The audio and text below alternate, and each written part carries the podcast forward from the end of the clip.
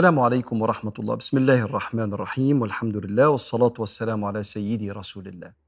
مستمرين في رحلتنا في حياة سيدنا محمد عليه الصلاة والسلام. إحنا النهاردة في نهاية سنة ثلاثة من بعد هجرة النبي عليه الصلاة والسلام. سيدنا رسول الله عنده 56 سنة بعث وهو عنده 40 قعد 13 سنة في مكة ودي ثلاث سنين في المدينة 56 سنة. انتهت غزوة أحد بما حدث من مقتلة كبيرة جدا في المسلمين. وبما حدث من إصابة للنبي عليه الصلاة والسلام واستشهاد لكتير من كبار الصحابة ورجع سيدنا النبي عليه الصلاة والسلام على طول على المدينة ولكن أراد النبي أنه يعمل موقف يبث فيه الهمة في الجيش المنكسر. وأيضا جه للنبي عليه الصلاة والسلام العلم أن أبو سفيان قائد جيش المشركين ممكن يرجع تاني لما شاف أن هو قتل كتير من الصحابة طب ما نرجع تاني. نرجع ونلم جيشنا ونجتاح بقى المدينة وجيشها دلوقتي ضعيف. فطلب النبي عليه الصلاة والسلام من الصحابة إن هم زي ما هم كده يجمعوا نفسهم تاني. بالمصاب اللي فيهم بالمجروح اللي فيهم باللي بيعرج اللي فيهم. وطلب صلى الله عليه وسلم ألا يخرج في الجيش إلا من كان معنا في أحد. اللي شاف المشهد بتاع أحد بس هو اللي يخرج. فطلب منه سيدنا جابر ابن عبد الله الأنصاري ابن سيدنا عبد الله بن حرام اللي نزل فيه ولا تحسبن الذين قتلوا في سبيل الله أمواتا بل أحياء عند ربهم يرزقون. سيدنا جابر ده اللي ما طلعش مع أبوه في الحرب عشان كان قاعد مع إخواته البنات التسعة. قال له يا رسول الله أنت ما سمحتليش أو أبويا ما سمحليش أخرج في أحد سيبني أخرج معاكم. فسمح له النبي عليه الصلاة والسلام. وخرج جيش المسلمين يتبع جيش المشركين اللي أصلا هو اللي أصاب من المسلمين سبعين شهيد وإحنا مش قادرين نقف لا إحنا هنكمل. وفعلا في الطريق كما يروي لنا ابن هشام أشهر من روى السيرة إن أبو سفيان قال لهم لا محمد قتلتم ولا الكواعب أردفتم لا خدتم منهم أسرى ستات ولا قتلتم محمد. طب إحنا عملنا إيه؟ يلا نرجع نهجم عليهم تاني. ففعلا جمعوا بعض وكانوا عايزين يرجعوا في طلعة النبي عليه الصلاة والسلام.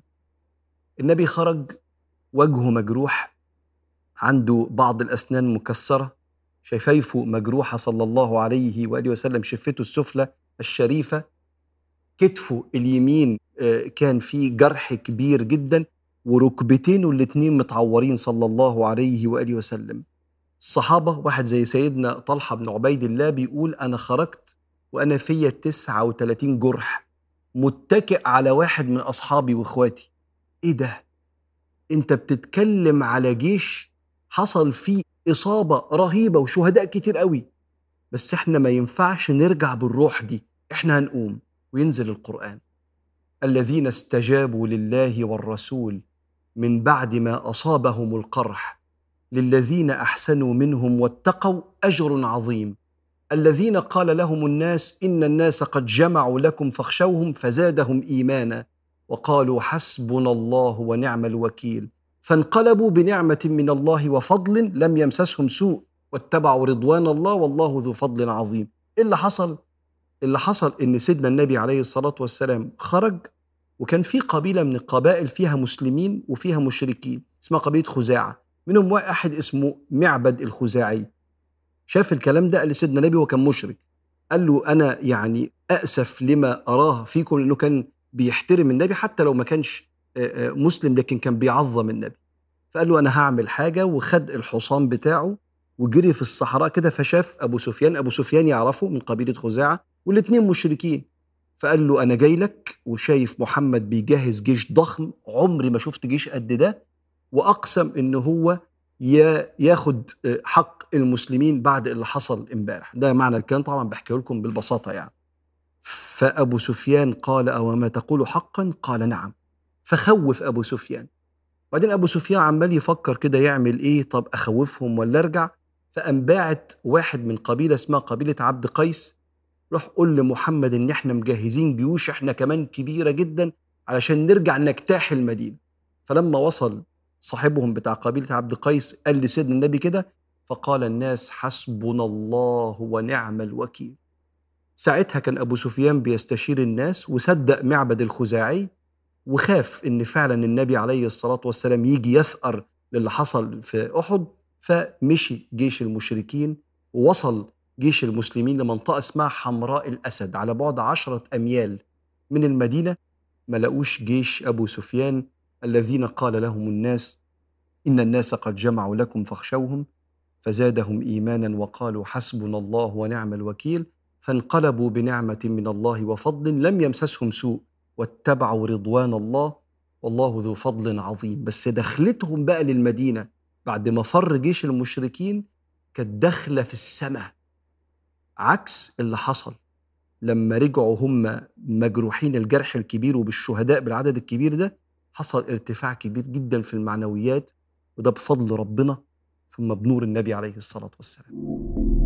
عجيبة جدا حالة الصحابة في استجابتهم لدعوى النبي نطلع في حمراء الأسد الذين استجابوا لله والرسول من بعد ما أصابهم القرح بعد الجراح الشديدة والمقتلة الشديدة معاك معاك للآخر. في ناس كده. معاك للآخر. أنا مؤمن بقيمك ومؤمن برحمتك ومؤمن إن أنت مبعوث من عند ربنا سبحانه وتعالى تنور لنا الطريق معاك للآخر. وبعدين اللي معاك للآخر ده هو شخص ممتن إنك وثقت فيه. فرق السماء والأرض. لما تيجي تطلب مني حاجة أقول لك طيب حاضر بالطريقة اللي هي فيها إيه ماشي. ونقول لك شكرا إنك أنت أصلا وثقت فيا. وطالب مني طلب هيخليني أفني وقتي وجهدي ومالي في حاجة ترضي ربنا.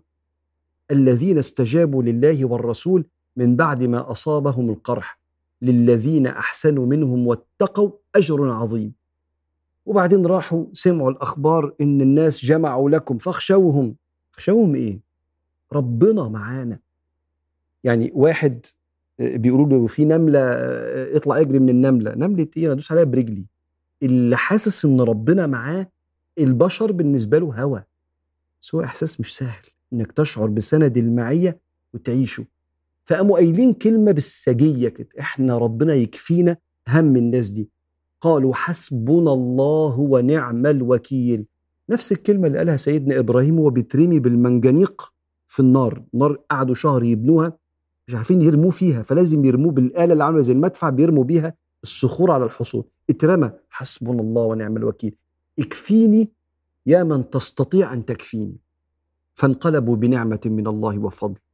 لم يمسسهم سوء. أنا متصور هم راجعين آخر اليوم كده مرهقين جدا جدا. النومة كانت حلوة. أحلى نومة في الكون لما ترجع تعبان من حاجة ليها قيمة عملتها. وزع إطعام بتشتغل بتساعد حد كان عنده أزمة ومشيت لما رجلك ورمت معاه. راجع بيتك بتحط دماغك على المخدة كده. ملك. ملك إن ربنا أكرمك بالتعب ده سبيله سبحانه وتعالى.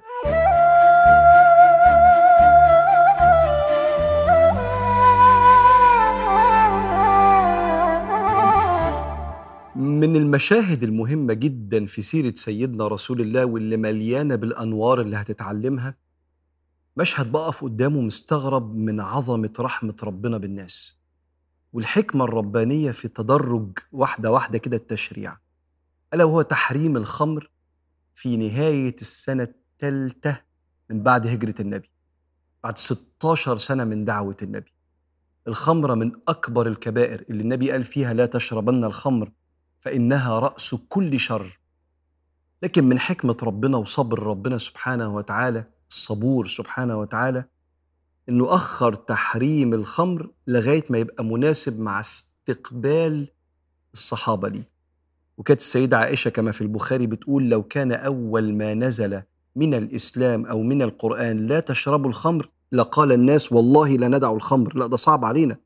وأنت هتشوف دلوقتي في القصة إن هم كان عندهم براميل خمرة في البيت. زي ما يبقى أنت عندك إيه المية بالكميات الكبيرة ما تستغناش عنها الخمر عندهم زي المية. لكن سيدنا عمر مش مستريح. فقعد يدعي اللهم بين لنا في الخمر بيان الشفاء مفيش آية بتحرم الخمر لغاية دلوقتي بعد 16 سنة. بس إحنا فطرتنا بتقول حاجة. إن إحنا مش مستريحين لشخصياتنا وإحنا بنشرب الخمر. وواحد مرة كان بيصلي فغلط في بعض الآيات لأنه كان شارب واشتكى للنبي عليه الصلاة والسلام. فحصل شيء من الحالة كده إن إحنا عايزين نعرف بقى الموضوع. فنزل القرآن. يسألونك عن الخمر والميسر. قل فيهما إثم كبير ومنافع للناس وإثمهما أكبر من نفعهما. عارف لما إيه في حاجة كده؟ إثمهما أكبر من نفع. طب ليه؟ طب نعمل إثم. حتى لو في منفعة. وتقوم نازلة وراها على طول الآية التانية. بسم الله الرحمن الرحيم. يا أيها الذين آمنوا لا تقربوا الصلاة وأنتم سكارى حتى تعلموا ما تقولون. ولا جنبا إلا عابري سبيل. يبقى ما تصليش وانت جنب وما تصليش وانت شارب الخمر. فبدأ يتحجم شرب الخمر لغاية بعد العشاء. هم أصلا كانوا بيناموا بعد العشاء كانوا بيصحوا من الفجر. فاليوم كان بينتهي لما الدنيا تضلم بعد العشاء. لكن لسه لسه في آية كمان هتحسم المسألة بعد ما كتير من الصحابة ما بقاش عندهم وقت إن هم يشربوا وكانش أصلا نزل التحريم. بس كأن من رحمة ربنا وتدريج التشريع بعدت عنهم قوي. لغاية ما بيقول سيدنا أنس بن مالك خادم النبي يقول كنت في بيت أبي طلحة الأنصاري دول كبار الصحابة وكنت ساقي القوم أنا اللي بديهم الخمر بالليل حتى نزلت على رسول الله يا أيها الذين آمنوا إنما الخمر والميسر القمار والأنصاب والأزلام دي حاجات بتتعمل مع الأصنام في عبادة الأصنام إنما الخمر والميسر والأنصاب والأزلام رجس من عمل الشيطان فاجتنبوه لعلكم تفلحون. إنما يريد الشيطان أن يوقع بينكم العداوة والبغضاء في الخمر والميسر ويصدكم عن ذكر الله وعن الصلاة. فهل أنتم منتهون؟ فقال الصحابة انتهينا. صاحب البيت أبو طلحة قال قم يا أنس فأرق الجراب الجراب البراميل. أدلق ده كله في الأرض. في لحظة سمعنا وأطعنا على طول. قال وخضنا يومها في الخمر في طرق المدينة. الناس كلها دلقت على طول أول ما ربنا قال. أول ما نزل الكلام الحاسم على طول. دلقوها ومشوا يخوضوا في الخمر في المدينة. وبالمناسبة لما ربنا قال فاجتنبوه بعض أصدقائنا اللي ما قروش للعلماء يقول لك يعني ده مش واضحة قوي في إنها حرام يعني. اجتنبوا دي أعلى درجات التحريم في الشريعة. ربنا بيقول فاجتنبوا الرجس من الأوثان واجتنبوا قول الزور. قول الزور ده من أكبر كبائر الإسلام وعبادة الأوثان دي مصيبة. فتخيل لما ربنا يقول فده اجتنبوا ويقولها في الخمر كمان. فاجتنبوه يعني ما تكونش قاعد على ترابيزة أصلا فيها خمر ما تبقاش جنبك. أصلا كما قال صلى الله عليه وآله وسلم من كان منكم يؤمن بالله, واليوم الآخر فلا يقعدن على مائدة تشرب فيها الخمر أو يشرب فيها الخمر. وخرج الصحابة في اليوم ده يخوضوا في الخمر سمعا وطاعا وكان من أهم أحداث سنة ثلاثة من بعد هجرة النبي في تاريخ الصحابة. قصة تحريم الخمر كلها أنوار. النور الأولاني عدم استراحة فطرة سيدنا عمر للخمر رغم إن مفيش ولا آية ولا حديث بتحرمها بس أنا مش مستريح إن عقلي يغيب عن ربنا لحظة مش مستريح إن أجهزة الاستقبال في عقلي اللي بتقبل من ربنا رسايله ومعانيه في الكون تطفي كده وتبقى لو باتري في حاجة يا سيدنا النبي ما تقول لنا حاجة في الموضوع ده. يا رب بين لنا بيان شفاء في الخمر يا رب. يا رب احسم لنا الموضوع ده فينزل القرآن موافق لعمر. وبعدين واخد بالك من مسألة تحريم الخمر اللي جت بالتدريج دي؟ لرحمة ربنا بعادات الخلق. أولا اتحرمت بعد 16 سنة من الدعوة. ثانيا بالتدريج لأن هم كانوا بيشربوها زي ما كانوا يشربوا المية. ولرحمة ربنا وإرادته إن الناس تبطل. مش بنقيم عليهم الحجة خدوا المعلومة دي. فلو عملتوها تخشوا الجنة ما عملتوهاش تخشوا النار. أقمنا عليكم الحجة. زي ما ساعات بعضنا بينصح. شوف الغلط يقوم ناصح على طول. استنى. هو اللي قدامك جاهز إنه يستقبل منك النصيحة دي؟ أنت بتنصحه عشانك ولا عشانه؟ لو عشانك خلاص ارمي النصيحة في أي وقت وبأي طريقة اقمت عليه الحجة وخدت الثواب خدت الحسنات. ده مش النبي. مش ربنا. الأول هو جاهز ولا لأ؟ وهل محتاج أعمل معاه حاجة؟ تقرب قلبه قبل ما أقول له الحاجة دي اللي أنا عايز أقول له عليها. هل هو سامح لي؟ هل إيمانه يسمح بحجم النصيحة اللي هقولها دي؟ ولا استنى شوية لما نقرب من بعض ويقرب شوية من ربنا؟ ولا استنى شوية لما أحسن ليه فيحبني فيشوفني فيسألني هو أصلا زي ما سيدنا عمر عمل. تحريم الخمر مليان أنوار. وأجمل حاجة بقى أول ما اتقال فهل أنتم منتهون؟ قوم يا أنس. أعمل إيه حضرتك يا سيدنا طلحة يا أبو طلحة الأنصاري؟ ادلق البراميل اللي في البيت كلها في الأرض. مش مثلا إيه طب نسأل النبي طب نتأكد مش في واحد سمع من النبي إحنا مصدقينه أصلا هم كانوا بيصدقوا بعض. ومدلق كل البراميل. دي تكلفة كبيرة جدا. إيه تكلفة؟ ربنا. يخلف علينا دي حرام. الحال ده حال الصحابة بس مش هقول لك غير كده اللي كانوا منورين بنور النبي عليه الصلاة والسلام.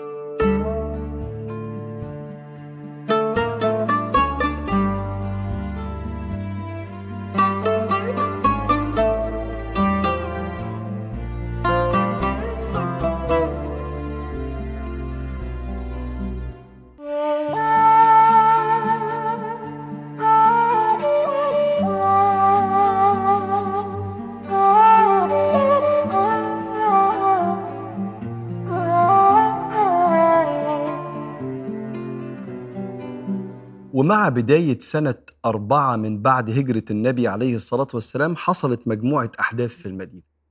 أولها وفاة سيدنا أبو سلمة الصحابي الشهير واحد من أوائل الناس اللي هجرت من مكة للمدينة لو تفتكر قصة هجرته والخناقة اللي حصلت وقتها. سيدنا أبو سلمة لما مات كانت عينه مفتوحة كده فالناس نظرت ليه وهو ميت فقال صلى الله عليه وسلم إن الروح إذا قبض تبعه البصر فضج الناس كأن الناس تأثروا بتفسير سيدنا رسول الله عليه الصلاة والسلام ليه ممكن واحد لما يموت تبقى عينه مفتوحة بصره بيتبع الروح. فلما ضج الناس قال النبي عليه الصلاة والسلام لا تدعوا إلا بخير فإن الملائكة تؤمن على دعائكم.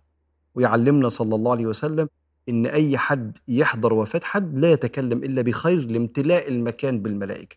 وبعد كده سيدنا النبي عليه الصلاة والسلام عمل ثلاث أو أربع حاجات. دعا لسيدنا أبو سلمة اللهم اغفر لأبي سلمة وارفع درجته في عليين واخلفه في أهله في الغابرين يعني اكرمهم يا رب وعوضهم واغفر لنا وله يا رب العالمين ونور له في قبره. وبعدين قال لستنا أم سلمة قولي كده إنا لله وإنا إليه راجعون اللهم أجرني في مصيبتي واخلفني خيرا منها. قالت له يا رسول الله هو في خير من أبي سلمة عشان ربنا يخلف عليا. فزي ما حضراتكم عارفين بعد فترة تزوجها النبي عليه الصلاة والسلام. وجت واحدة من صحابات ستنا أم سلمة عشان تشاركها في البكاء ولكن يبدو إنها كانت جاية علشان تصوت أو حاجة زي كده.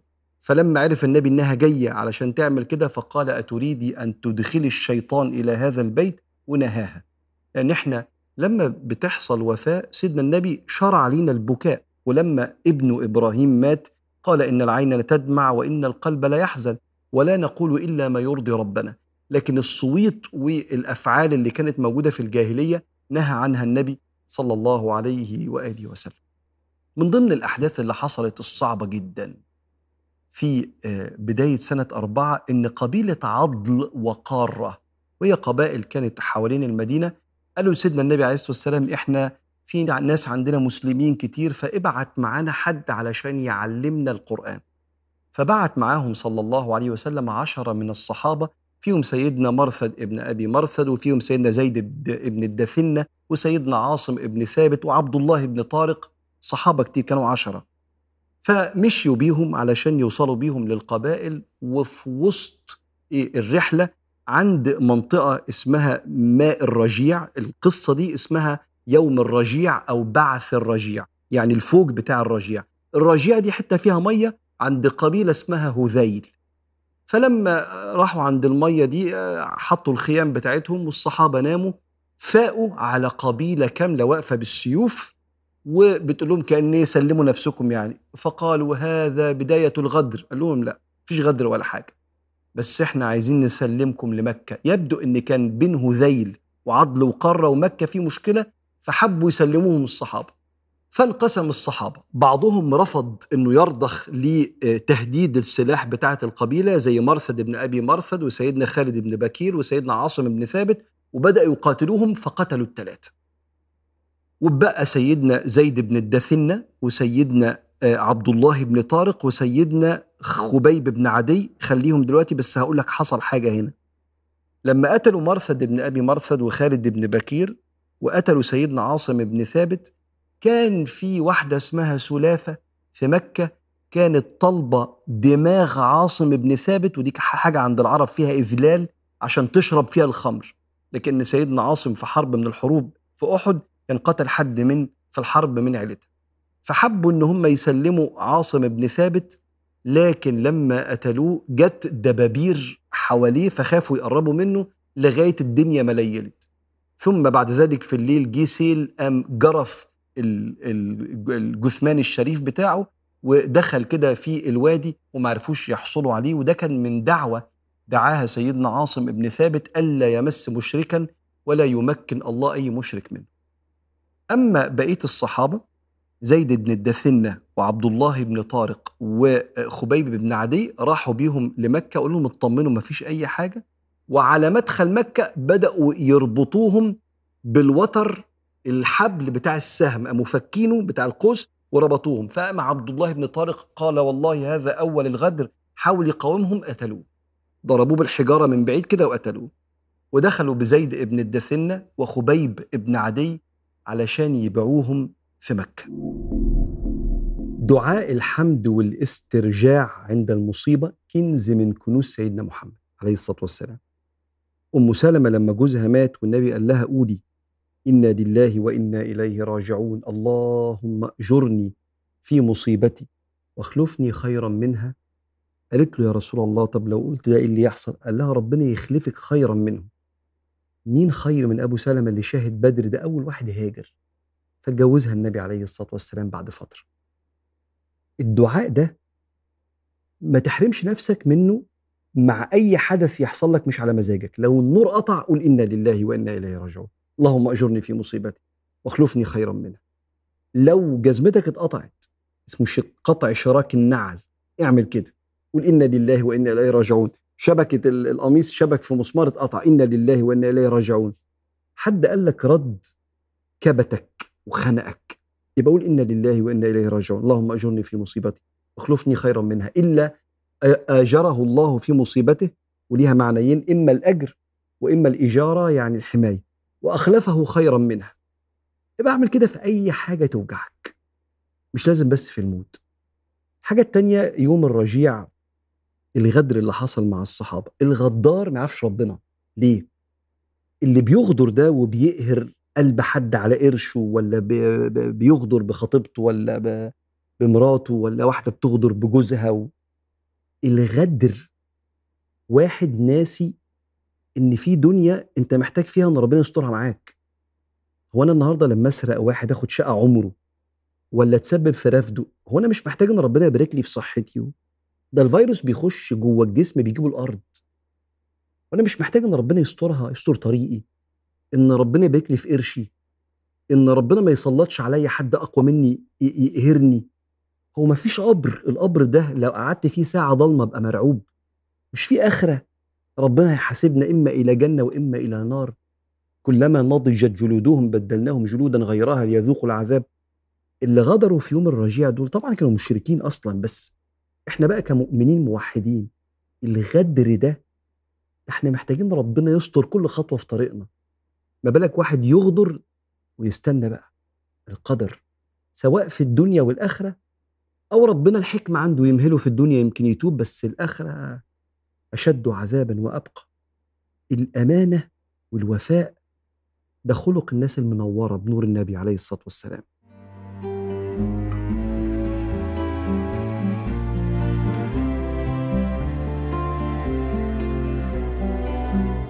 فوصلوا في وقعة يوم الرجيع بزيد بن الدثنة وخبيب بن عدي لمكة. ولما وصلوا هناك وعرف سيدنا النبي اللي حصل قعد يدعو في الصلاة على عضل وقارة وحزن صلى الله عليه وسلم على الغدر اللي حصل ده. ده إحنا باعتين الناس يعلموكوا قرآن. زيد بن الدثنة خدوه برة آه، مكة عشان مكة حرم يعني فخدوه للتنعيم علشان يصلبوه ويقتلوه. فأبو سفيان بيقول له ها أتحب أن يكون محمد مكانك؟ ما هو كأنه بيقول له ما هو السبب في اللي حصل ده أنك اتبعت محمد فتحب محمد يبقى مكانك؟ قال والله لا. ما أحب أن يكون محمد في أهله تصيبه شوكة وأنا في أهلي. ده إحنا وإحنا عايشين معاه ما نحبش إن تيجي شوكة فيه. في حب الصحابة للنبي؟ ما هو اللي شاف النبي وعاشر النبي وصلى ورا النبي عليه الصلاة والسلام شاف أنوار تخليه يتفانى في حب سيدنا رسول الله عليه الصلاة والسلام. ما تصيبوش شوكة. وصلب وقتل وقتها. أما سيدنا خبيب بن عدي فحصل معاه قصة غريبة جدا بس يبان فيها أخلاق الصحابة وتربوا على إيه مع النبي عليه الصلاة والسلام. قعد كام يوم أسير ومربوط في بيت من البيوت فلما عرف إن هو هيقتل طلب من صاحبة البيت موس شفرة حتى يستحد يستحد يعني يحلق الشعر الزائد في جسمه لأنه مش عارف لما يموت هيغسلوه ولا يرموه ولا يعملوا إيه فأراد أن يلقى الله على السنة كده إيه كشيء من الطهارة والنظافة. فجابت له الموس وهو مربوط اعمل اللي أنت عايزه ما أنت مربوط. ففي وسط ما هو معاه الموس ده كده جه طفل صغير بيتمشى من ولاد أهل البيت وقام قاعد في حجره. فالست بصت وهي مشغولة كده فراعها ما رأت. في إيده الشفرة وقدامها وقدامه العين. فقال لا تخافين والله لا أمسسه بسوء. مش متربيين على كده إيه ذنب الولد ده؟ نقتلش إحنا العيال الصغيرة ابدا. فقام الولد بتقول فوالله ولقد كنت أرى في يد خبيب وهو أسير عندنا في البيت قطفا من عنب يأكل منه ووالله ما في مكة من ثمرة. جات له كرامة من عند ربنا إن كان بيأكله من أكل الجنة. وليهم أحوال مع ربنا سبحانه وتعالى أشهد بصدق هذه الأشياء. وبعدين خدوه برضه في التنعيم وصلبوه فلما صلبوه قال لهم لحظة أنا عايز أصلي ركعتين. وهو كان أول واحد سن يعني بدأ ركعتين الشهادة في سبيل الله. ونزل وصلى ركعتين خفيفتين.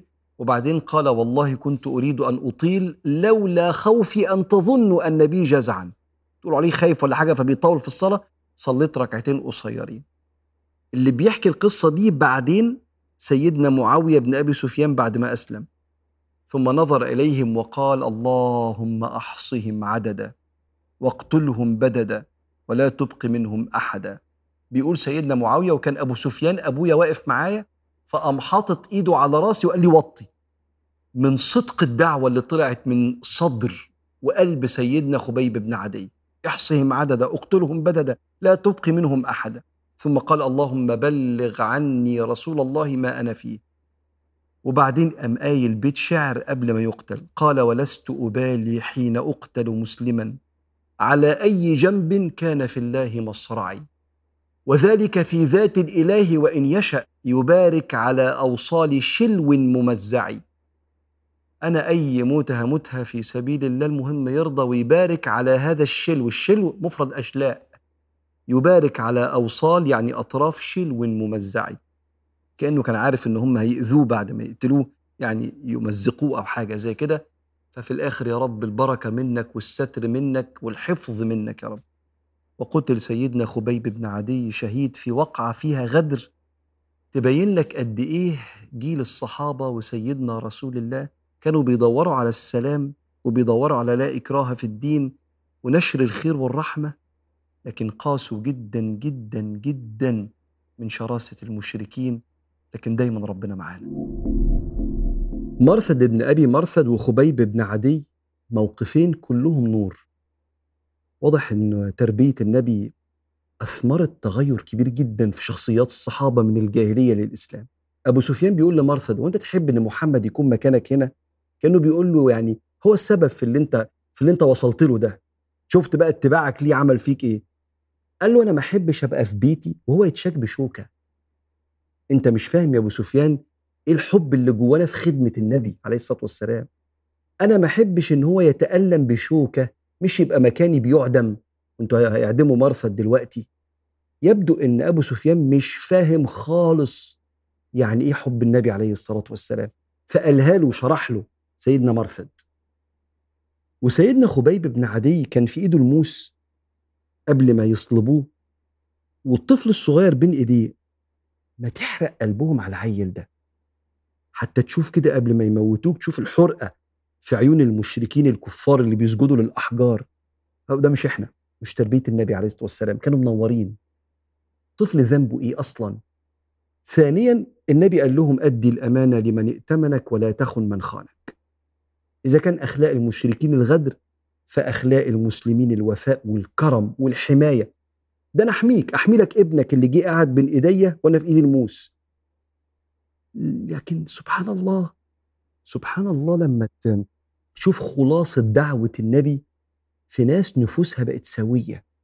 وده يقول لك أنت إزاي إما يعني تبقى خير سفير لدعوة سيدنا محمد ومنور بنوره ولا تصرفاتك لو أنت مشهور عنك إنك أنت قريب من ربنا أو بتحاول تتبع سنة النبي بس مؤذي. فتبقى الناس متلخبطة. هو اللي يتبع النبي بيبقى مؤذي مثلا؟ ولا هو كلام النبي مش مؤثر؟ بيصنع شخصيات مشوهة بتصلي ركعتين بس أنا مش عايزه يبقى صاحبي ولا يبقى مراتي ولا يبقى جوزي ولا مش عايز الشخصية دي يبقى جنبي. عكس الشخص اللي بتشوف منه كل عطاء ووفاء وكرم والسر إنه واخد من نور النبي. تبقى أنت هتموت وتتعرف على النبي عليه الصلاة والسلام وتشوف النبي وتصلي على النبي. الكرام الصحابة دول بجد يعني علمونا إزاي إحنا وإحنا عايشين كده يا الناس هتحب النبي عن طريقنا يا هنبقى سبب في نفور الناس من نور سيدنا النبي عليه الصلاة والسلام. يا أيها الذين آمنوا إنما الخمر والميسر والأنصاب إنما الخمر والميسر والأنصاب والأزلام رجس من عمل الشيطان فاجتنبوه لعلكم تفلحون إنما يريد الشيطان أن يوقع بينكم العداوة والبغضاء في الخمر والميسر في الخمر والميسر ويصدكم عن ذكر الله وعن الصلاة. فهل أنتم منتهون؟ وأطيعوا الله وأطيعوا الرسول واحذروا. فإن توليتم فاعلموا أنما على رسولنا البلاغ المبين. ليس على الذين آمنوا وعملوا الصالحات جناح فيما طعموا إذا ما اتقوا إذا ما اتقوا وآمنوا وعملوا الصالحات ثم اتقوا وآمنوا ثم اتقوا وآمنوا ثم اتقوا وأحسنوا. والله يحب المحسنين.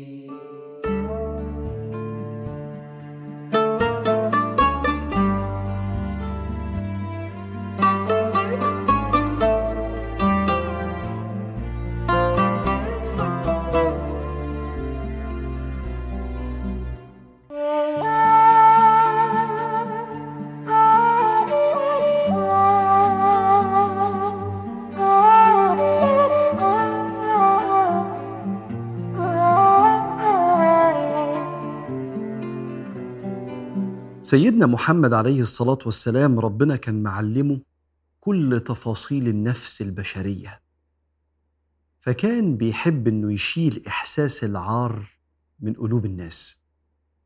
لأن الإحساس بالذنب أنا غلطت. الإحساس بالعار أنا مخلوق غلط. الإحساس بالذنب هنا في موقف ضعف حصل مني. الإحساس بالعار أنا ضعيف عمري ما هبقى قوي. الإحساس بالذنب ممكن يخلي الإنسان يتوب. أنا الغلطة دي مش هعملها تاني. حاجة برايا أنا مش هعمل الغلطة دي تاني. إحساس بالعار بيجيب اكتئاب. كأني أنا مخلوق في عيب من جوايا في شخصيتي وربنا أراد كده أنا بايظ ماليش إيه ماليش صلاح.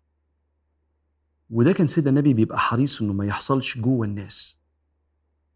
الراجل لما حرم الخمر ما قدرش إن هو يبطل. وكل الصحابة بطلوا. وعدد المواقف اللي رويت في السيرة إن حد من الصحابة ارتكب كبيرة اتعدت على صوابع الإيد الواحدة. بس حصل لحكمة الله عشان نفهم إيه اللي يحصل وقتها. فكان كل شوية يشرب الخمر ويجي يقول للنبي عليه الصلاة والسلام أنا شربت الخمر وأتوب بين إيديك عاقبني يا سيدنا محمد. شربت الخمر بتوب بين إيديك عاقبني يا سيدنا محمد. ففي يوم من الأيام جه فواحد من الصحابة مش عاجبه اللي بيحصل. يا أخي ما ده أنت لما الاذان بيقدم بتصلي ورا النبي. يا أخي ده لما يبقى عندك مشكلة ما بتيجي تستشير بتستشير سيدنا محمد عليه الصلاة والسلام. هو في جو إيماني أحلى من كده؟ أنت ليه مدمن للخمر؟ فطلع كل الكلام ده في كلمة واحدة لعنك الله. ما أكثر ما يؤتى بك مخمورا. لعنك الله؟ ما أكثر ما يؤتى بك مخمورا؟ ده ممكن يجيب إحساس عار جوه قلب الصحابي كان اسمه عبد الله. ممكن العار يتملكه إن كل شوية بيضعف يبقى أنا مخلوق ضعيف. فقال صلى الله عليه وسلم لا تلعنه فوالله ما علمت إلا أنه يحب الله ورسوله. ويثبت صلى الله عليه وسلم احاديث دي بتخوفني وأنا بقولها لحسن بعض الناس ياخدها. إيه ده؟ هو على فكرة ممكن أبقى بشرب خمرة وبحب ربنا. ما تاخدش الحتة دي بس. وأنا مش في دور إن أنا أحكم على مين بيحب ومين ما بيحبش. سيدنا النبي شهد له بأن يحب الله ورسوله وهو كل شوية يقع بس خد بالك بقى هو كل مرة كان بيتوب. ويروح للشيخ لا مش للشيخ لسيدنا النبي اللي هو بالنسبة لك أستاذك أو عالمك أو شيخك اللي يساعدك على التوبة. بالمناسبة بعد اللقطة دي تاب عبد الله وما شربش خمر تاني. بس أنا يعني اللي أنا شفته في الحديث إنه تاب من إحساس العزة. مش العار. العار جه في اللي لعنه والعزة جه في شهادة النبي إنه بيحب الله ورسوله وإلا ما كانش كل مرة يجي يتوب. فلما عرفوه بيستر وبيحفظ وبيكرم حتى أصحاب الكبائر حبوه. عشان كده لما ماعز زنى جه لسيدنا النبي يا رسول الله أنا زنيت فطهرني وقت ما كان بيطبق حد الزنا على الزاني. طهرني يا رسول الله. فالنبي بص الناحية الثانية فراح له الناحية الثانية قال له أنا زنيت طهرني. فبص الناحية الثالثه أربع مرات. ثم سأل هل به جنون؟ أنا كل شوية ببعد عنه. هو هو عاقل؟ قال له آه عاقل يا رسول الله. طب هو شارب؟ طلب إنه حد يشم بقه هو شارب. أنا عمال أبعد عنه. أنت في كامل قواك؟ قالوا له آه يا سيدنا النبي. فأمر به فعوقب بحد الزنا. ولما واحد جه لسيدنا النبي عليه الصلاة والسلام اسمه هزال قال له أيوه وأنا لما هو قال لي قلت له روح قول للنبي. فقال له يا هزال هل سترته بثوبك؟ مش كان الأحسن إنك أنت تستره بدل ما تشجعه على حاجة زي كده؟ بتعمل إيه يا سيدنا النبي؟ بستره. بستره لإني أحب الستر على أصحاب الكبائر. ولما رجعوا كان وقتها حد كان الرجم رجعوا سمع النبي اتنين من الصحابة بيقولوا انظروا ما فعل ماعز فعل كذا وكذا حتى رجموه رجم الكلب. فكانوا معديين وكان في حمار كده ميت كده ومنتفخ. فالنبي قال لهم كلوا من الحمار ده. فقالوا غفر الله لك يا رسول الله. إحنا في حاجة ينفع يتقال كده أو يعني ينفع يحصل كده؟ قال لهم ما نلتما من عرض أخيكم أشد من أكلكما من هذا الحمار. وافتكر الآية في الغيبة أيحب أحدكم أن يأكل لحم أخيه ميتا فكرهتموه؟ تتكلموا عليه في ظهره ليه؟ كأنه بيقول حتى بعد ما يموت استروا عليه ما تتكلموش في الموضوع. بدل ما يبقى الموضوع بقى إيه على ال social media شفت اللي حصل وعملوا إيه؟ شفت هو ده سوء خاتمة ولا حسن خاتمة؟ ونقعد إحنا نلوك في عرض إنسان غلط لأنه إنسان. وجي تائب وتحمل نتيجة خطأه ودفع ثمنه. غالي مش رخيص. فلما شافوه كده عليه الصلاة والسلام بيستر على أصحاب الكبائر وعنده الكم ده من الرحمة والتفاهم أحبوه.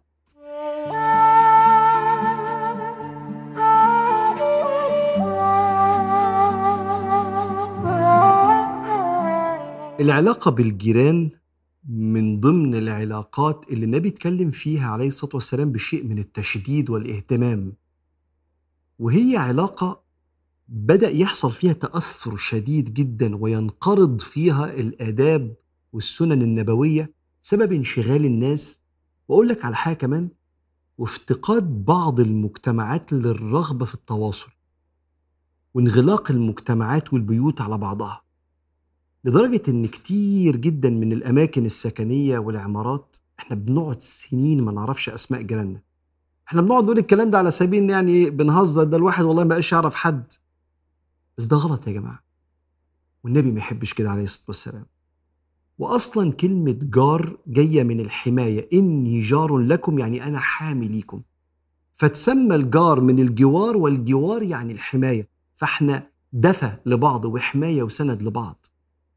عشان كده هقول لك على ست آداب نبوية وسنن منسية في علاقة الإنسان بجاره. ومن فضلك لو أنت مالكش علاقة بجارك راجع التواضع. تواضع وابدأ أنت بادر. حتى لو جيرانك عندهم جفا كده وإيه مش بيسألوا خليك أنت ورا سيدنا النبي عليه الصلاة والسلام حتى عشان خاطر قلبك أنت.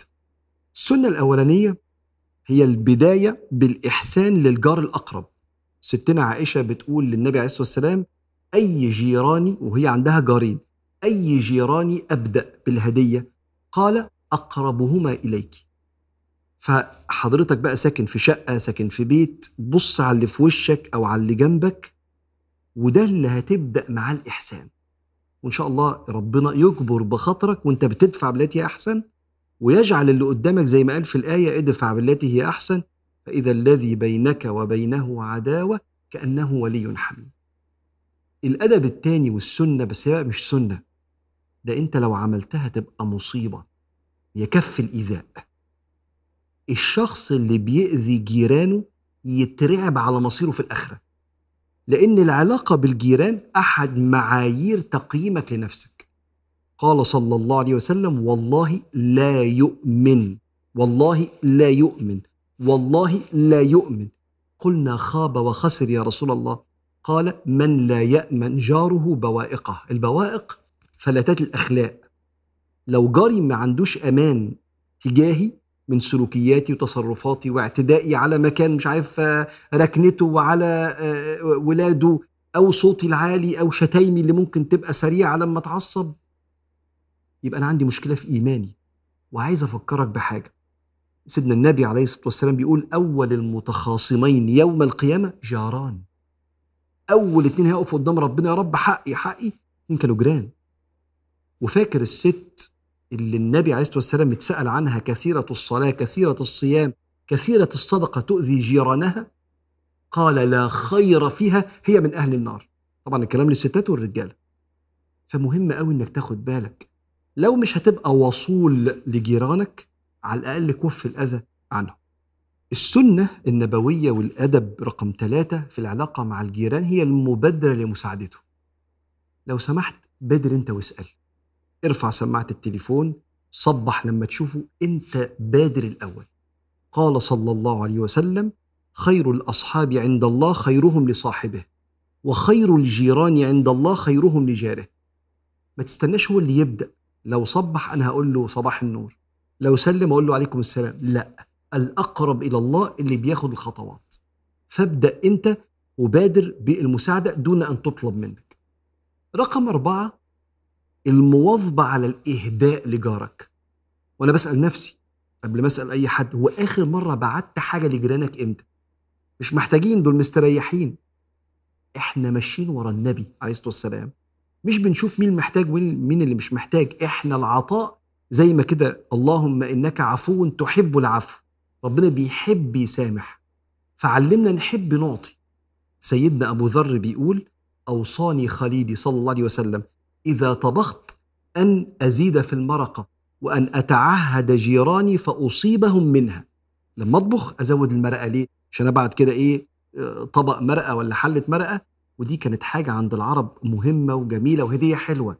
فبص على أنواع الأكل أو أي أنواع من الهدايا يبقى بص على أقرب جار ليك كده واعمل زي سيدنا النبي ما وصى أصحابه.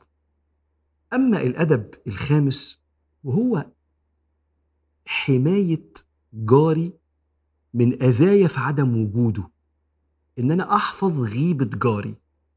فلو جاري مش موجود وبنته أو مراته أو أخته أو أمه معدية أنا بغض بصري. احتراما للجيرة.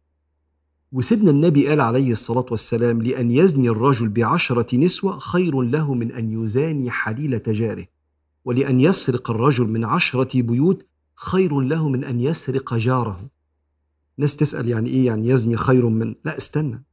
تبقى مصيبة سودة لو الواحد ارتكب الزنا مرة وتبقى مصيبة أصعب بكتير لو عشر مرات. عارف اللي أكتر من كده إيه؟ إن الإنسان يستبيح آه، جيرانه فيخونهم في نسائه. وتبقى مصيبة لو الواحد سرق مرة وعشر مصايب لو عشر مرات. عارف أصعب منها إيه؟ إن الواحد يسرق حاجة. حتى ولو قضيب من أراك عود سواك زي ما النبي قال من عند جاره.